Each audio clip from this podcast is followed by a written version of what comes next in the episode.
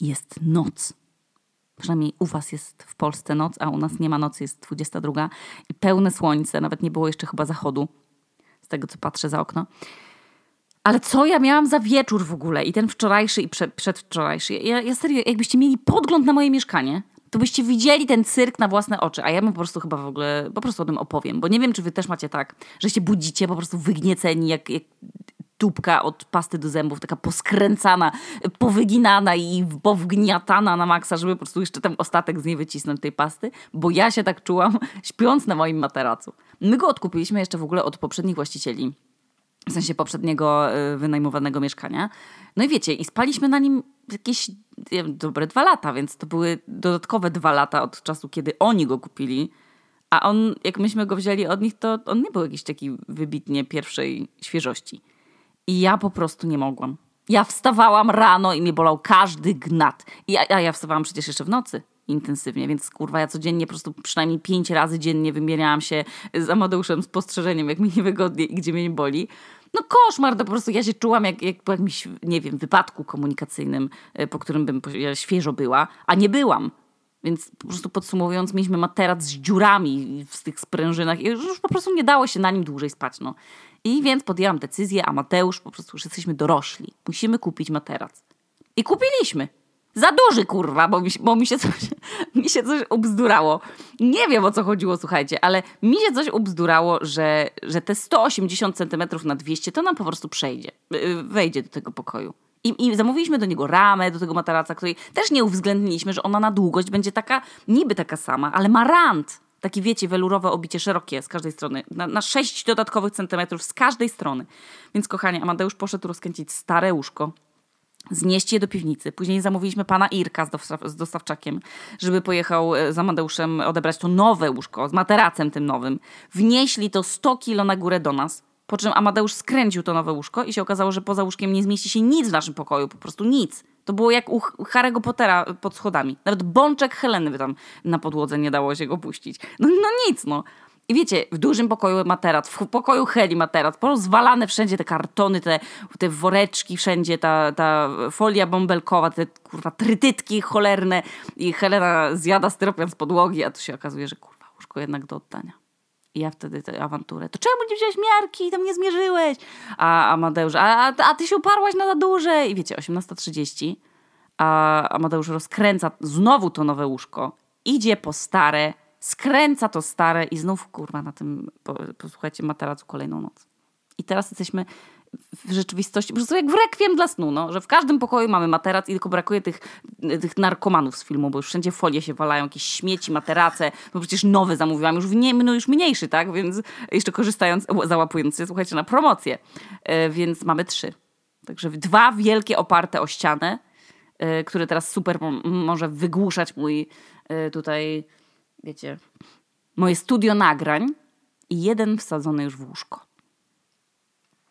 Ale kochanie, jak już się pogodziliśmy, czy ja to winę i że w zasadzie takie rzeczy po prostu się zdarzają, e, po prostu pomyłki, zwłaszcza jak się nie ma czasu robić dobrego researchu, tylko po prostu trzeba się zdecydować na coś, to się wyspaliśmy tę pierwszą noc na takim wygodnym, stabilnym materacu. Jezu, moje gnaty odpoczęły. Dlatego dziś siadłam, żeby wam opowiedzieć historię, ale nie, nie, ma, nie materace będą tematem tego odcinka. Po prostu musiałam to z siebie wyrzucić. Bo e, poza niewyspaniem i kilkoma innymi rzeczami, których na świecie nienawidzę, a, a po prostu jest ich sporo, ale jest jedna rzecz, której nie cierpię najbardziej. I ja mogłabym w sumie powiedzieć, że to są na przykład motocykliści e, przyspieszający na prostej w centrum miasta o 22, robiąc te dźwięki swoje pierdzące, nie wiedzieć po co – a tylko uruchamiające mój system nerwowy i dzie dzieci śpiące.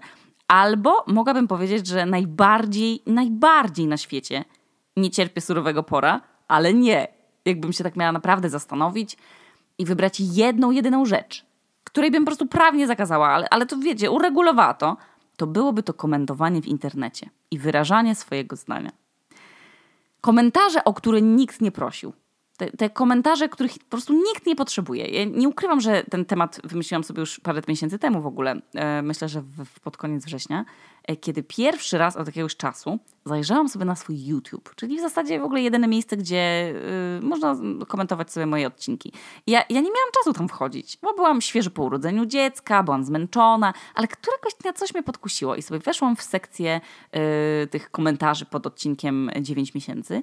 I było tam na maksa dużo słodkich komentarzy, życzenia powodzenia, gratulacje, e, wiecie, miłe powitania Heleny. I jeden komentarz, który sprawił, że ja go aż przeczytałam trzy razy.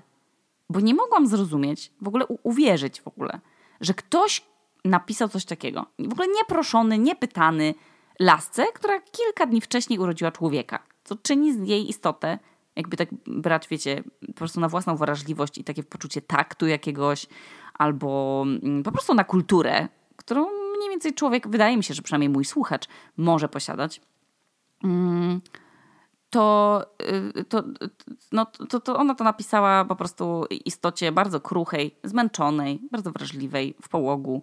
Po prostu do mnie to napisała. A komentarz był, słuchajcie, taki, powiem go teraz z pamięci, bo już mi się nie chce znowu grzebać tam yy, i go szukać. To było, pogratulowałabym, ale nie pogratuluję. Jestem antynatalistką i uważam, że sprowadzanie dzieci na ten świat to jest wyraz skrajnego egoizmu. I pamiętam, słuchajcie, jak to przeczytałam, to mnie to zabolało. Normalnie fizycznie, jakby mi ktoś wy wymierzył mi cios między piersi. Normalnie w mostku mnie zabolało. Ktoś bardzo boleśnie uderzył mnie w serce. A czemu? Wiecie, w sensie ja szukałam powodu, dlaczego ta dziewczyna napisała coś takiego i w ogóle zazwyczaj takie komentarze kierują do siebie nawzajem kobiety kobieta kobiecie potrafi napisać coś po prostu tak okropnego, co mi się nie myśli w głowie, e, bo chyba też wiemy, co nas zaboli najbardziej. Nie, nie wiem, z czego to wynika. Nie, nie mam pojęcia. Ale bez kitu, ten jeden komentarz zabolał mnie tak, jakby mi ktoś w twarz napluł e, publicznie. Poczułam w ogóle, wie, wiecie jak się poczułam? Jakbym to ja zrobiła komuś krzywdę, kogoś obraziła i ten ktoś by mi zwrócił publicznie na to uwagę. I tak szłam, słuchajcie, sobie na spacer i myślałam o tym komentarzu. I mimo tych 200 miłych, wspierających, z gratulacjami i z życzeniami, te trzy osoby napisały komentarze w stylu: Ja bym się na dziecko nie zdecydowała, to jest egoizm. Albo ja to w ogóle nie chcę mieć dzieci. I, i, albo, o Asiu, no cóż, no gratuluję, ale myślałam, że wiesz, jaki jest stan naszej planety i że nie powinniśmy się rozmnażać. No ale, no cóż mogę powiedzieć, no życzę zdrowia. I wiecie, ostatnio temat y, ten, tych komentarzy, wrócił do mnie, jak e, Kasia Meciński wydała książkę i nazywa się ona Nie obraź się, ale. I jak Kasia zaczęła pracę nad tą książką, e, mającą być zapisem w ogóle tego, z czym zmagają się kobiety i, i twórczynie w internecie, to zapytała mnie, czy, czy ja bym się chciała podzielić tym, tym hejtem, z którym ja się sama zmagałam kiedyś, yy, z którym w ogóle miałam na przykład kontakt, oraz czy, czy, no, czy chciałam coś dodać od siebie, jakieś przemyślenia w tym temacie. I wtedy mi śmignął przed oczami ten komentarz tej dziewczyny, dla której ważniejsze od mojego komfortu, od mojej rodziny, od mojego spokoju i wiecie, od, też od mojej decyzji i od mojej wrażliwości, było wypowiedzenie swojego zdania. To było dla niej w tamtym momencie ważniejsze, najważniejsze, że ona jest antynatalistką i że ja jestem egoistką, która nie dba o, o planetę, ale przede wszystkim o swoje dziecko. I w ogóle ten komentarz był dla mnie, słuchajcie, jak mól, kurwa, spożywczy, który się gdzieś zalągł w kuchni i, i nie wiesz gdzie. Jak już myślisz, że skoro wywaliłeś po prostu prawie wszystkie rzeczy, to masz z nim spokój, ale on nadal gdzieś lata. No i się pojawiał co jakiś czas i właśnie wrócił do mnie, e, kiedy Kasia się mnie spytała o te niechciane komentarze. Takie właśnie tam, nie obraź się, ale nie jest ci do twarzy w tym kolorze, nie? Albo tam, o no nie obraź się, ale myślałam, że jesteś facetem. Bardzo śmieszne. I to, to jest ten typ komentarzy takich zupełnie zbędnych, takich nie dokładających nic istotnego, w ogóle nie wychodzących z żadnego dobrego miejsca w człowieku. To jest, to jest ten typ komentarzy, które są po prostu chamskie i mają za zadanie zabrać komuś, yy, zebrać komuś z barków jego frustracje i wrzucenie tych frustracji na kogoś innego. Wiecie, to są takie komentarze w ogóle o, przede wszystkim, o które nikt nie prosi. Bo słuchajcie, no ja rozumiem, że niektórym twórcom zależy na ruchu pod filmem na, na YouTubie i na przykład mówią, no dajcie znać, co sądzicie o tej sukience. Albo napiszcie proszę w komentarzu, tam, czy to lubicie ten kolor.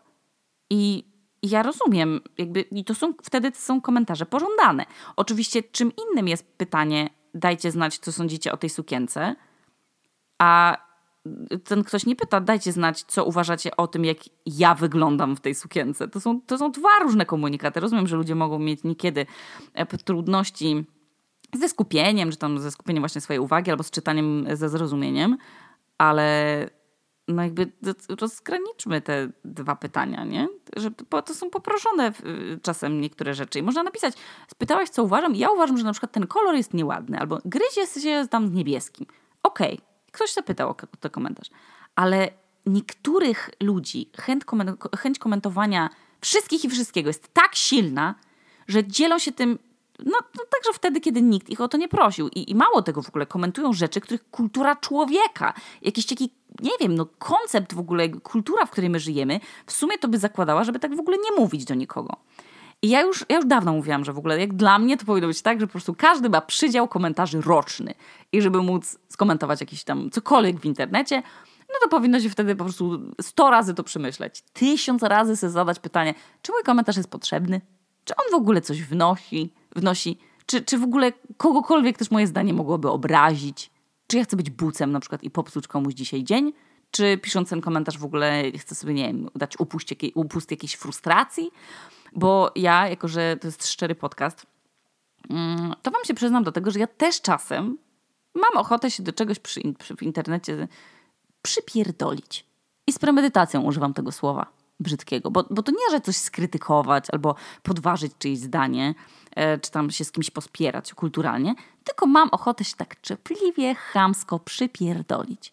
I zazwyczaj to jest, to jest o tym we mnie, że, że jestem sfrustrowana. To jest, to jest dla mnie wtedy taki komunikat z mojego ciała idący, że jestem sfrustrowana, że jakaś moja potrzeba nie jest zaspokojona. I wtedy sobie zadaję pytanie, jaka? I w ogóle jak byłam w ciąży, to się śmiałam z, z koleżankami, że jestem pewna, że 99% w ogóle hejterskich komentarzy w internecie to piszą baby w ciąży, no bo to jest taki miks hormonalny, mnie wybijał w ogóle często w taką jakąś nerwowość, no, taki gorszy stan od PMS-u, a jak mam PMS, to samej siebie nie mogę znieść. Jakaś, jakieś takie poddenerwowanie w miksie z wybuchem złości, po prostu czekającym za zakrętem. I jeszcze taka złość na siebie, że ja w ogóle mam takie emocje w sobie i że nie mogę tego opanować bo one są znikąd te rzeczy. Po prostu mam za wysokie ciśnienie chyba, nie wiem. I czasem już byłam blisko, żeby coś wysmarować. Wiecie, już tak się przyczepić do kogoś. I zazwyczaj to jest wtedy, kiedy ktoś wyraża swoje zdanie niepytany i kogoś obraża. I to zdanie po prostu tego człowieka już jest hejterskie. Ja wtedy chcę na przykład stanąć w obronie czegoś, Zazwyczaj wtedy mi się, się uruchamiam w internecie. I już zaczynam pisać, wiecie, odpowiedź do tego komentarza. I już czuję, jak mi się szczęka zaciska, już po prostu pulsują mi na karku jakieś żyły na szyi, w sensie jak mi przyspiesza to serce, jak już rośnie we mnie ta złość, że jak to ktoś śmiał w ogóle coś takiego napisać. I wtedy, zgodnie z tym, że przemoc rodzi przemoc, mam ochotę sama się na kimś wyładować. I na szczęście po prostu ja tego nie dodaję. Po prostu kasuję to i skroluję dalej. I myślę, no, wiecie, pod, pod nosem sobie pogadam albo zeskrinuję i wyślę to e, do przyjaciółki i powiem, patrz, kurwa, patrz jaki buc, Jezus, po prostu wiecie. I, i po prostu prze, prze, przekazuję to dalej, ale nie wysyłam tego komentarza. Nie wiem też na ile to jest spowodowane też tym, że nie chcę robić zła, nie chcę się dokładać do, do, do, tego. I też przede wszystkim wiecie co, po prostu dawać się sprowokować takim trollom, e, no bo czasem to widać, że to jakaś farma troli komentuje, a nie realna osoba. Jakby no już za długo jestem w internecie, żeby wierzyć, że ludzie sami z siebie niektóre rzeczy by pisali, e, a nie osoby, które do tego się czasem zatrudnia. A nie wiem, i to jest też ciekawe, i tu będę znowu z wami szczera, nie wiem na ile to, że ja to kasuję, te, te komentarze, wynika z tego, że ja nie jestem anonimowa nie, już nie jestem anonimową osobą w internecie, bo za dużo osób już zna moje imię i nazwisko i twarz, więc jakbym komuś napisał coś hejterskiego albo takiego po prostu się z kimś weszło w jakąś, to, to już za, za dwie minuty już screeny by latały, ten już by była skancelowana, już by po prostu na mnie wieszano psy i już, by, już po prostu byłoby to szkodliwe dla mnie jako dla osoby i dla twórcy. I to jest dla mnie psychologicznie ciekawe czy to, że ja zawsze kasuję ten komentarz czepialski wynika z mojego dobra, czy z mojego braku anonimowości. Ale myślę, że też przede wszystkim z tego, że dziadek Niemiry, czyli dziadek Aloj ze świętej pamięci, powiedział kiedyś to święte, wspaniałe zdanie: Nie tykaj gówna, bo śmierdzi. I ja się do tego faktycznie stosuję, jak odpuszczam te internetowe kłótnie. No ale dobra, czym innym jest komentarz dotyczący na przykład polityki, albo nie wiem, jakiejś tam kampanii reklamowej marki, jakiejś złej, nie? Czy tam sposobu zagospodarowania zieleni miejskiej w Zgierzu. A czym innym zostawianie komuś komentarza dotyczącego jego osobiście. I tego nie robię. I nawet nie, nie przyszłoby mi w ogóle to do głowy. Znaczy, z pewnością kiedyś zostawiłam jakiś komentarz tego typu, ale to musiało być, nie wiem, jakoś bardzo dawno. Chociaż też sobie nie przypominam. W każdym razie nie mieści mi się w głowie.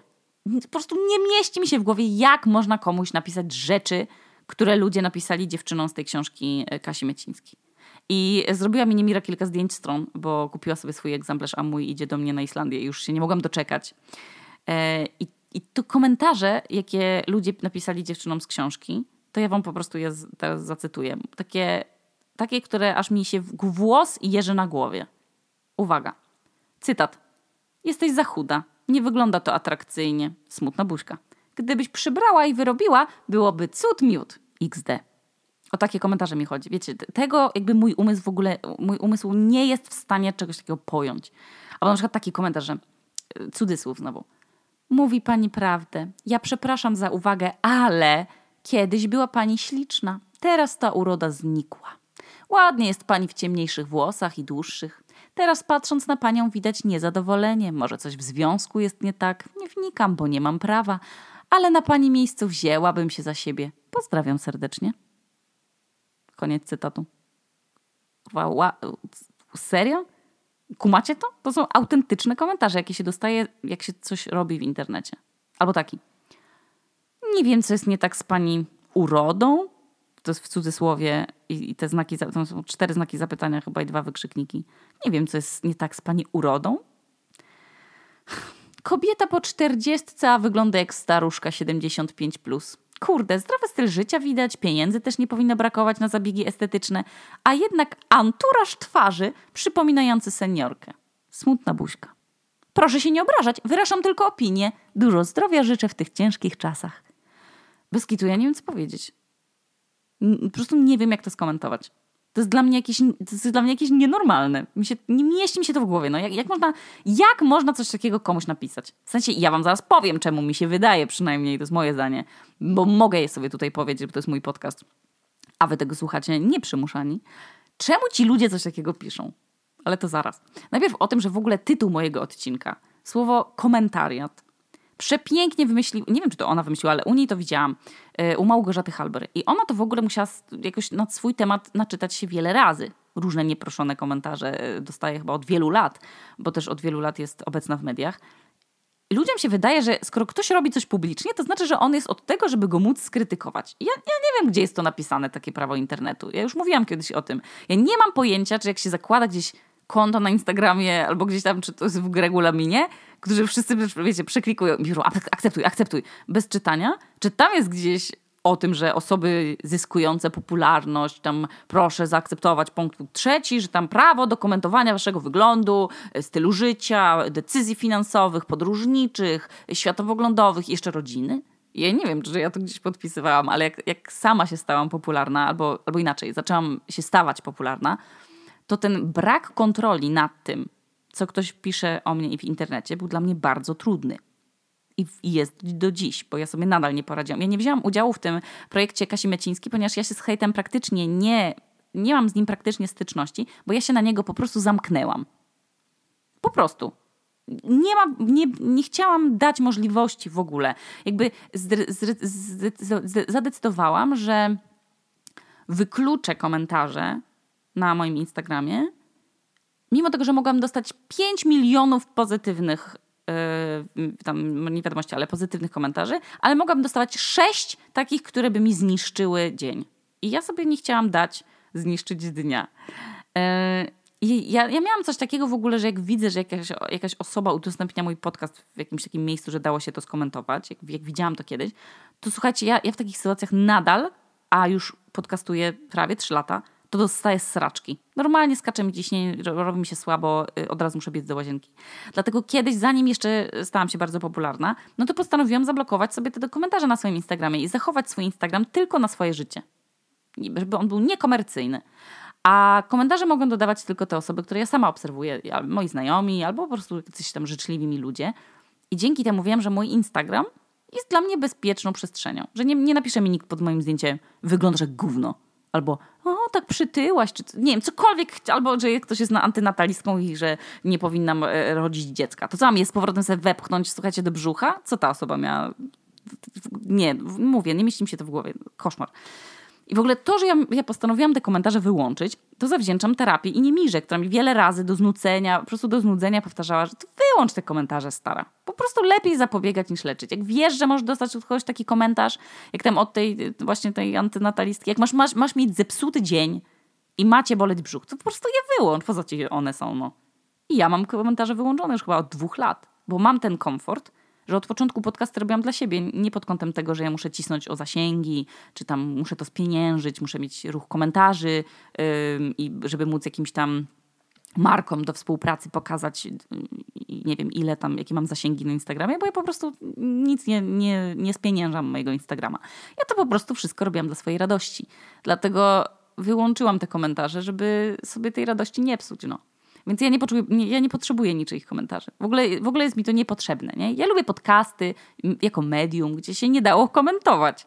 I już w pierwszym odcinku o tym mówiłam, że nikt nie będzie mi komentował, jak ja wyglądam. W przeciwieństwie do YouTube'a, że nie wiem, siedzę w dresie na podłodze i nagrywam. I ważna jest treść. I to, co ja mówię, a nie to, czy jestem ładna, czy brzydka, czy gruba, czy chuda. Wiecie, ja chciałam wejść do internetu i działać na, w sumie na własnych zasadach jakby kto powiedział, że wszystkim influencerom zawsze zależy na zasięgach i, i, komentarzach? Bardzo się cieszę, że mi nie zależy, bo dzięki temu i tej postawie, która w ogóle jest niezmienna od samego początku, mogę nie czytać komentarzy i robić nadal, uważam, fajne podcasty. Więc mimo, że ktoś czuł się może w obowiązku napisać mi taki komentarz, e, który również wpadł mi w oko, e, bo tam sobie czasem scrolluję, jak siedzę w łazience i mi się nudzi, bardzo mi przykro, że mój ulubiony podcast, przy którym kochałem się relaksować, zmienił się w podcast o kaszojadach, a one kojarzą mi się tylko ze stresem i nerwami. Kumacie to? Jakiś typ, któremu dałam z 400 godzin kurwa darmowej rozrywki, z którym podzieliłam się osobistymi historiami w ogóle, takimi, że na przykład się zsikam w majtki u babci Anielci na Sylwestrze w przedszkolu, albo jak, jak to, że nie wiedziałam, co to znaczy persona non grata, albo że, że choruję na depresję – to ta sama osoba, która tego słuchała, która, która stworzyła ze mną tak intymną relację, bo, bo na Boga, no jak się słucha kogoś, jak ktoś gada do ciebie 400 godzin prosto w uszy o swoim życiu, no to jest to jakiś w pewien sposób, nie? Intymna relacja. I ten człowiek wie o mnie dużo, zna moją wrażliwość i moje, moje podejście do życia i ten sam typ mi pisze, że mój podcast już nie spełnia jego oczekiwań, bo jest o kaszojadach, a one mu się źle kojarzą. Kurwa. Po prostu, kumacie to? No bardzo przepraszam, że nie spełniam teraz czyichś oczekiwań. No po prostu zamiast być wdzięcznym, że, że jest taki podcast, który mu tyle razy poprawiał dzień i który mu dawał relaks, to ten typ wolał zamiast dziękuję wysmarować, że mu przykro, bo ja już nie spełniam jego rozrywkowych oczekiwań. No bardzo mi przykro, no, bardzo mi przykro, bez kitu. I faktycznie te świadectwa, te moje i innych dziewczyn z, z książki Kasi Mecińskiej, to potwierdza istnienie tej, tej warstwy społecznej. Już wiecie, nie proletariat, w internecie jest komentariat. I miałam kilka strategii uzasadniania sobie, dlaczego ludzie są w internecie dla siebie tacy, jacy są. Że bywają okrutni i po prostu bywają chamscy. I to jest jakieś tam moje przemyślenie i każdy może mieć swoje. Mm, ale ja starałam się to uchwycić na różne sposoby. Na, to nie tylko na jednej terapii z jednym terapeutą, tylko już u dwóch. I najpierw tłumaczyłam to sobie tym, że ktoś odreagowuje, nie? Bo wiecie, niektórzy palą papierosy, inni piją alkohol, jeszcze inni tam pracują dużo, a ci, co mają dużo czasu, potrafią chamsko komentować. I najpierw sobie myślałam, dobra, po prostu olej tego człowieka, nie tykaj gówna, bo śmierdzi, albo tam inaczej, po prostu szkoda twojego czasu. Później sobie myślałam, że to w ogóle jest coś, z czym ja nie chcę mieć żadnego kontaktu, że po prostu nie, nie będę się wdawać w dyskusje z obcymi ludźmi w internecie. I nie robię tego, przysięgam. Zaczynam pisać jakiś komentarz, i się frustruję i ja go kasuję. Po prostu nie, nie mam czasu dla jakichś oszołomów. No. Wolę go poświęcić na memy albo, albo partnerowi, albo zrobić oczyszczanie twarzy, bo mam super peeling do buzi. I, I myślałam sobie też, że oszczędzasz czas i pieniądze, nie wdając się w ogóle w te kurwa niekończące się dyskusje o niczym. O szczepionkach, o tym, że ktoś wystąpił nie w tej reklamie, co powinien, o tym, że, że Big Cyc nagrał piosenkę rasistowską kolejny raz. Po prostu nie za dwa dni już nikt nie będzie o tym pamiętał, już, już nikt się tym nie będzie podniecał. Za dwa dni będzie nowa, po prostu kolejna drama. A po drugie, nikt się mnie nie pytał o zdanie. ale zdanie to jest plaga. To jest choroba po prostu. Choroba, na którą wszyscy chorujemy w internecie, bo odkąd w internecie można mieć, yy, znaczy zaczęła być w ogóle możliwość pisania komentarzy, to każdemu się nagle zaczęło wydawać, że może mieć własne zdanie. I oczywiście może mieć własne zdanie, ale niektórym ludziom myli się to z tym, że mieć własne zdanie to wcale nie oznacza, że, że trzeba je wypowiadać na głos, publicznie. To jest dokładnie ten błąd, który popełniają ci, co mówią: Jestem tolerancyjny, ale. I tu wypełnia, wypowiadają swoje zdanie, o które nikt ich nie prosił i które jest nietolerancyjne. I czym innym jest w ogóle prowadzenie swojego medium, które polega na opowiadaniu swojego zdania na jakieś tematy, bo wtedy ludzie tego słuchają dobrowolnie, żeby znać czyjeś zdanie. Ale jak idziemy do kogoś na profil, żeby mu napisać, że jest debilem, albo jeszcze coś tam gorszego, żeby skrytykować to, jak wygląda, to o czym to świadczy? I ja to zrozumiałam dopiero niedawno. tak sobie czytałam różne książki, tu się zastanowiłam, tam się coś zastanowiłam, coś mi się posklejało w głowie i tak wiecie, dojrzewało we mnie. Odbyłam kilka bardzo fajnych rozmów na ten temat. Mm, I po pierwsze, zadałam sobie głośne pytanie w głowie. I zadałam je tak ze współczuciem, tak wiecie, z taką otwartością na różne odpowiedzi, że jakby z czego to może wynikać i dlaczego te osoby tak bardzo usilnie chcą wyrazić to swoje zdanie. Czy to wynika na przykład z faktu, że na przykład chcą zostać usłyszani, jakby za wszelką cenę? Czy to, czy to nie jest przypadkiem z tego, że na przykład jak byli dziećmi, to nikt, absolutnie nikt nie chciał ich nigdy słuchać i tylko słyszeli, że dobra, zamknij się, nie? Albo nikt ciebie o zdanie nie pytał. Czy, czy to może wynikać z tego, że taki komentarz to wyrzucanie z siebie tej frustracji, że oto teraz mogę się wypowiedzieć i wręcz nasram ci tu w komentarzu, bo mi wolno i mnie nikt nie ogranicza i w końcu mogę się mówić, jestem dorosły i w internecie mogę, a ty jesteś osobą publiczną, więc powinnaś albo powinieneś być na to przygotowany, że osobom publicznym to mogę dosrać. I tak wiecie, się zastanawiałam nad, to, nad tą swoją terapią, jak słucham o terapiach też moich znajomych, albo czytam w internecie świadectwa innych ludzi, to zawsze gdzieś się przewija dzieciństwo że kiedyś inaczej się po prostu wychowywało dzieci niż teraz. Kiedyś, w, w, w sensie w sumie pokolenia naszych rodziców opierały wszystko o hierarchię. I się hierarchizowało wszystko, nie? Był kierownik zakładu i robotnicy. No bo wiecie, z czasów naszych rodziców, no to mało było o demokracji. No, nie, nie było rozmawiania ze sobą, było raczej wykonywanie poleceń rodziców, przełożonych, albo polityków, albo przełożonych w wojsku, bo to też były czasy, że nasi ojcowie przecież byli w wojsku. I demokracja się zaczęła, i w ogóle to, że jakaś tam wolność słowa, powiedzmy, się zaczęła w relacjach rodzinnych bardzo niedawno. To się dopiero teraz. I, I to tak nieśmiało się dopiero przebija, jeszcze nie we wszystkich rodzinach. Bo to też jest trochę tak, że my byliśmy bardzo, mm, yy, jak to powiedzieć, zabrakło mi słowa, konserwatywnie wychowywani. Właśnie, właśnie to, że tej demokracji raczej w domu nie było, że musiał, wiecie, dziecku stać nad dzieckiem i musiał być jakiś opiekun, trzeba było dzieciom zakazywać, nakazywać, pochwały dawać, jakby zasłużyło to coś dać cukierka, a jak nie, to w dupę. I takie były czasy. A teraz to, to branie pod uwagę inności, w ogóle akceptowanie jej, niekomentowanie innych ludzi, to, to w ogóle nie leży w naszej rodzinie, naturze, jeżeli od dzieciństwa my przysiągamy tym, że na grillu, na działce się obrabia dupę tam sąsiadowi i kuzynostwu dalekiemu, albo komentuje się politykę, gwiazdy telewizji, jakąś daleką rodzinę, wiecie, tak przy obiedzie po prostu, nie? Że tam, nie wiem, wujek mówi, a tato, teraz ale przytyła, nie? Na scenie. I, i my, po prostu my tego wszystkiego słuchaliśmy jako dzieci jak rozmawiałam o tym ze znajomymi, to często padało takie zdanie, że na przykład ktoś z rodziców mówił, o patrz, ta, ta jak się ubrała, nie? Albo ten jak się ubrał. Bo chyba mu się okazje pomyliły. A dziecko, czyli wtedy ktoś z nas, jechał na przykład z tyłu w aucie i się po prostu przysłuchiwał. I takie komentowanie wyglądu innych ludzi, ich sposobu bycia, jakichś decyzji gdzieś tam za plecami, to my przecież my w tym wyrastaliśmy wszyscy. Zwłaszcza komentowanie inności. Odstawania od normy. I wiecie, y, też od normy w danej bani, bańce oczywiście. I, I weźcie powiedzieć, ile razy od swoich rodziców słyszeliście, jak komentowali coś tam pod nosem. I my to chłonęliśmy gąbki. No, to prawo do komentowania innych. Ich wyglądu, ich decyzji. To jest po prostu, to, to jest na, na maksa powszechne. Ale też poszłam w tym moim współczuciu i w tej mojej empatii wobec tych komentujących jeszcze dalej. I tak sobie pomyślałam, kurde, nie każdy oczywiście, kto miał trudne dzieciństwo, jest teraz psychopatą i wypisuje innym hejterskie komentarze, to żeby było jasne, bo to musi się wiele rzeczy chyba złożyć, żeby tak było. Ale może jednym ze składowych tego, tego zachowania jest fakt, że ci dorośli to jako dzieci były wieczne, tu za przeproszeniem niestety, jebane za wszystko. Wiecie, oceniane, ochrzaniane. Nie stój, yy, znaczy nie, stój, nie ruszaj. Wiecie, takie wychowywane w agresji, w takim strachu non-stop. Może to są ci dorośli, których za dzieciaka po prostu wszyscy piłowali. Że są gównem, że nic nie znaczą, że są nieudacznikami, że się do niczego nie nadają. Jest mnóstwo osób dorosłych, które znam, które słyszały takie rzeczy w domach i wyrastali w tym, bo mieli na przykład przemocowych, alkoholowych rodziców i po prostu byli piłowani, jak w, jak w wojsku wychowywani. Że słyszeli w swoim kierunku obelgi i groźby, kiedy na przykład przez sen zmoczyli łóżko.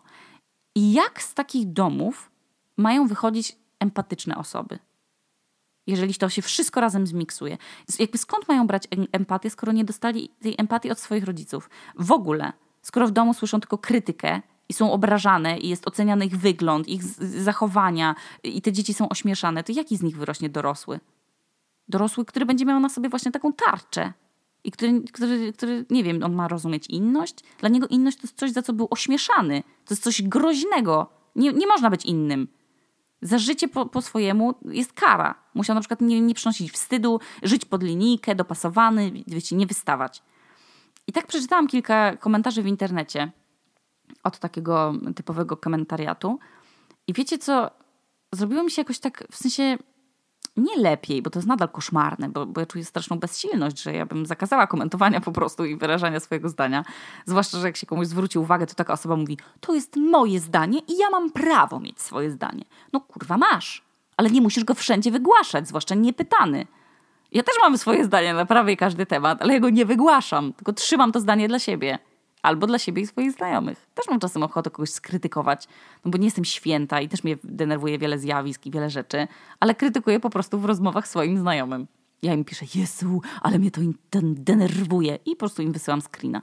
I nie wypuszczam tej negatywnej energii poza swój krąg towarzyski. Czasem po prostu myślę, jak taki wiecie pan Józek z wiralowego wideo, że a panie, na chuj zaszczępić ryja. Więc zachęcam was do takiego myślenia. W sumie, w sumie ze współczuciem jak gdzieś w internecie zobaczycie komentarz napisany przez hejtera, albo zobaczycie jakąś, nie wiem, niechcianą poradę, albo czyjeś zdanie na wasz temat, o które nikt nikogo się nie pytał. Jaka historia stoi za tą osobą? Jaką ma przeszłość? Jakie miała dzieciństwo? A później sobie skrolujcie dalej. Ale może z mniejszą już chęcią, żeby tego kogoś nawracać, albo edukować, albo mu uświadamiać, że robi komuś przykrość, bo też no, ten nasz komentarz, albo dwa, albo nawet trzy, jak się z kimś wejdzie w, jakąś, w jakiś konflikt na Facebooku i się go chce nawracać i go, wiecie, się przerzucać na, na y, te, y, znowu mi zabrakło słowa, już jestem zmęczona, na argumenty się przerzucać, no to nie zmienią te nasze komentarze myślenia tej osoby o, o sobie i o świecie na jakiś tam temat, nie wiem, kontrowersyjny. Nie, nauczą to, nie nauczymy nikogo szacunku czy tolerancji. My możemy mieć naprawdę o sobie wysokie mniemanie, ale terapii to my w komentarzach nikomu nie zrobimy. To, to, to nie jest nasza rzecz. Żyję, słuchajcie, teraz nadzieją i oczekiwaniem, bo w lipcu chcemy przyjechać do Polski. Już nawet sprawdziliśmy, czy, się, czy lepiej promem, czy tam samochodem lepiej i, i kiedy lepiej, i kiedy będzie piękna pogoda. I ja już się nie mogę doczekać. Przede wszystkim dlatego, że mój dziadek, mój dziadek Staś i moja siostra Moi przyjaciele jeszcze nie widzieli w ogóle Heleny. I po drugie to też dlatego, że ja nie widziałam upału. Już bardzo długo nie widziałam upału. Yy, I też dlatego, że będę mogła zjeść pomidora z foliaka i truskawki i czereśnie i się wykąpać w jeziorze i poprosić mamę o pierogi z jagodami. No po prostu jestem cała spocona z ekscytacji. I jakbym mogła to przyspieszyć, to bym przyspieszyła po prostu za każde pieniądze jakąś kapsułę bym yy, czasową wsiadła i, i, i się prześlizgnęła trochę w, w kalendarzu do przodu. Także e, być może w lipcu się miniemy na ulicy albo w, w samolocie, albo na plaży miejskiej w Olsztynie i wtedy sobie możemy powiedzieć cześć. A teraz idę się położyć na moim nowym materacu i się przytulić do niego całym kręgosłupem. Yy, oczywiście na tym, który leży w łóżku, a nie na tym nowym, który jest za duży i jest oparty o ścianę, bo przecież muszę znowu po pana Irka dzwonić, żeby z Amateuszem znowu się te jechali, słuchajcie, do tego magazynu, oddawać ten materac, co za piekło. Ach, ściskam was. Dziękuję, że mam bardzo wspaniałą społeczność, yy, która mnie rozumie i która mnie też ze wzajemnością szanuje. I zapraszam do słuchania mojej audycji w Nuance Radio. Możecie jej słuchać też jako podcast na Spotify. I możecie sobie wpisać tu Czarkowski, tam Okuniewska. Polecam, bo mam bardzo dużo fanu robiąc to. I z tego co wiem, to to słychać. Także ściskam Was serdecznie i do usłyszenia. Pa!